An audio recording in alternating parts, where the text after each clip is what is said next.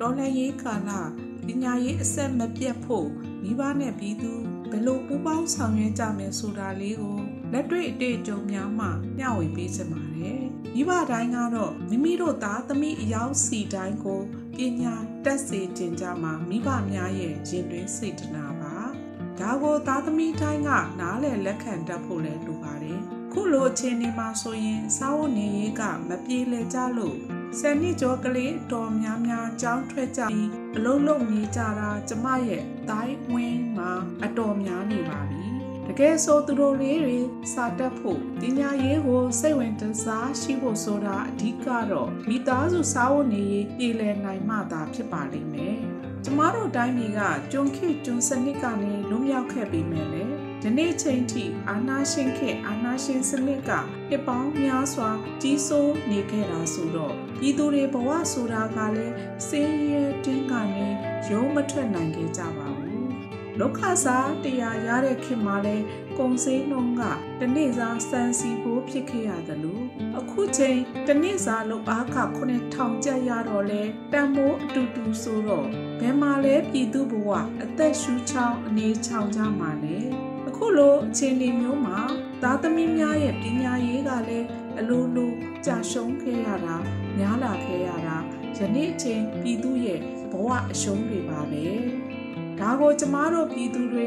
ကတားငယ်သမီးငယ်များအတွက်စိတ်မကောင်းဖြစ်နေဖို့မလိုပါဘူးတယောက်ကိုတယောက်ကူညီရိုင်းပင်းစိတ်အပြည့်ရှိကြမယ်ဆိုရင်ဒီအစဉ်ပြည်သူများက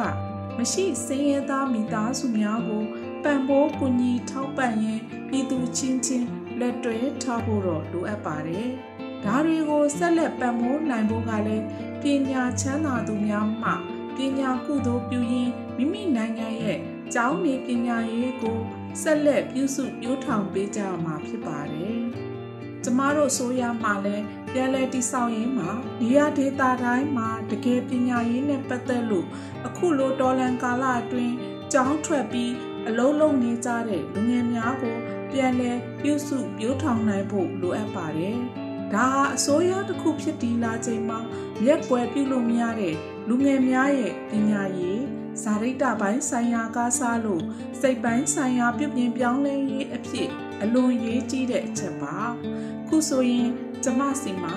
အလွတ်တန်းပညာသင်နေသူကလေးတွေက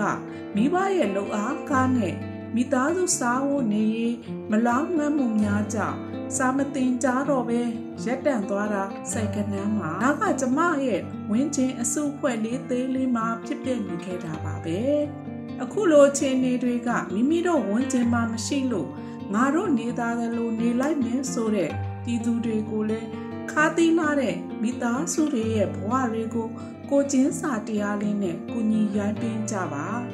ဒေါ်လာရေးကြီးကလည်းသူခရီးသူဆက်လို့ဘဝတွေကိုရင်းကြရင်ပြည်သူအောင်ပွဲအတွက်ချီတက်နေကြမှာဖြစ်တယ်လို့ကျမတို့ပြည်သူတွေကလည်းမိမိဝန်ကျင်မှာပညာပြိုးခွင့်များတိဆောက်ပေးချဖို့လိုအပ်ပါတယ်။အခုလိုလူနေမှုဘဝတွေမညီမျှနိုင်တဲ့အာဏာရှင်စနစ်ရဲ့အောက်မှာပြည်သူတွေရဲ့ဘဝကအမြဲတမ်းအောင်ပွဲခံခဲ့ပေမဲ့ခေတ်အဆက်ဆက်အရှုံးတကားအရှုံးမှာ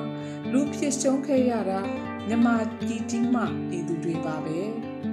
ခုဆိုရင်ပညာလဲရှုံးလူသားစွမ်းအားအရင်းမြစ်တွေလဲဆုံးရှုံးကြလို့ပြည်သူတွေဘဝဆိုတာကလည်းနှစ်ပေါင်းရာချီနေထိုင်ခဲ့ကြတဲ့မိမိတို့အိမ်မြေယာတွေကိုစွန့်ပြီးပုံခုန်နေကြတာအာနာရှင်စနစ်ဆိုးကြီးရဲ့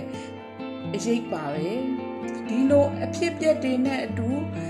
တားငယ်သမီးငယ်များရဲ့ပညာရေးဆိုတာကလည်းမိကိုရာမရှိမြေစာပင်ဘဝတွေရောက်နေကြပါပြီ။ဒါကိုကျမတို့ပြည်သူတွေထဲမှအစင်းပြေသူများမှမြင်အောင်လဲကြည့်ပါ။ကြည့်သိမြင်သိအဖြစ်ပြက်တိုင်းပေါ်မှာတကယ်စိတ်ရင်းအမှန်ဖြစ်ခွန်အားတတ္တိအပြည့်နဲ့ဝိုင်းဝန်းကူညီကြပါလို့တိုက်တွန်းနှိုးဆော်လိုပါတယ်။ခုဆိုရင်ကျမတို့ကလေးငယ်များမှာပညာချို့တဲ့ ကျမ်းမာရေးချို့တဲ့ရတဲ့ဘဝတွေနဲ့လူဖြစ်ရှုံးလို့နာဂတ်ဆိုတဲ့အမှန်ဘဝကိုရုန်းကန်နေကြလေရဲ့ဒါတွေအားလုံးကိုကျမတို့ပြည်သူတွေကမိမိတို့အစဉ်ပြေရင်ဘဝကအေးချမ်းတယ်လို့တွေးထင်မနေကြပဲအေးချမ်းမှုတိုင်းကိုလူတိုင်းရနိုင်ဖို့ဖေးမကူညီကြရင်အခုအခုလိုတော်လန်ကာလမှာ